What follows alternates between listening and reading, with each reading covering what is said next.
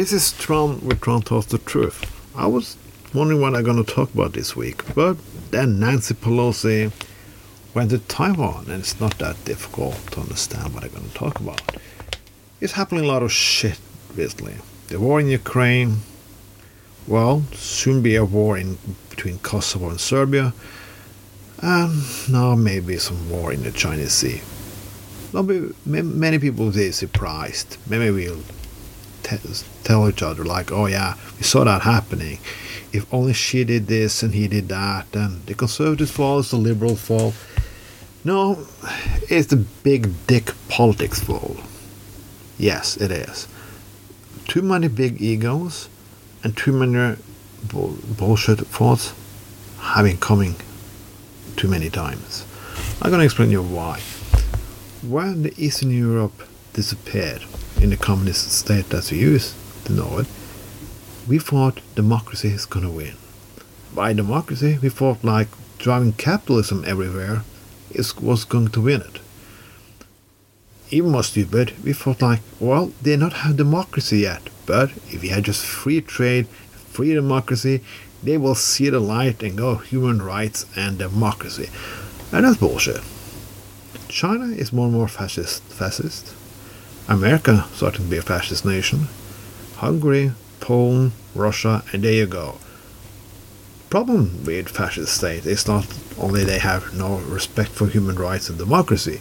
The problem is they always it's like a junkie. They always need something stronger, nothing bigger to get high on, and not to get high on by teasing each other, irritating each other, showing their military force.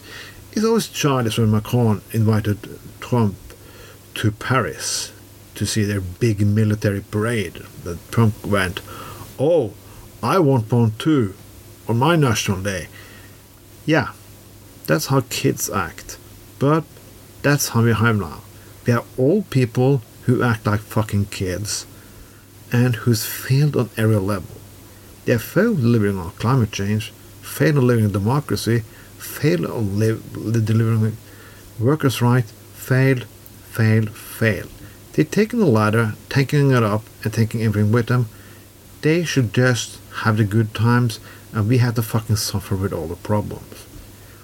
You can say that is the reason why young people have been writing all through history, maybe.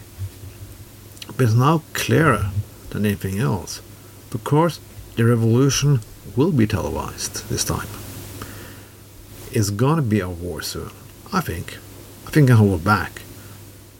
Think about peace, love, happiness. The problem is there's people who want conflict, want bashing and doing all the kinds of crazy shit, they are a majority.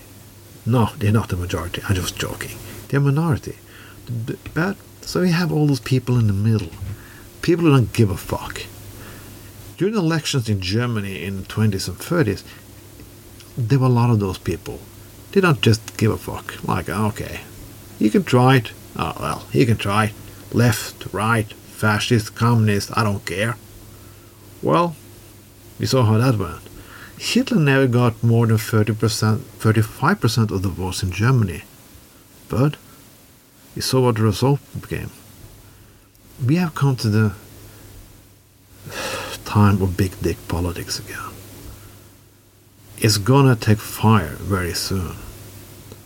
We can't stop it. We can do something to hold off back the damage. But I think if we put ourselves in the corner, we can't stop.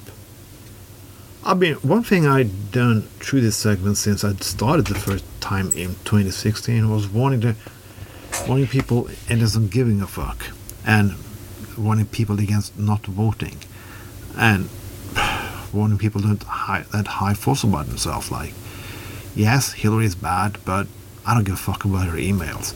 But nothing went there. Now we are on the big point. Now the shit show is happening all around us.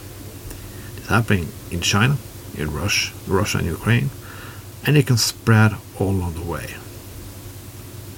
There are elections in November to Congress and Senate. You should vote, and you should vote right. You know what to do. We can't stop, we can't change, and we can't make a better future.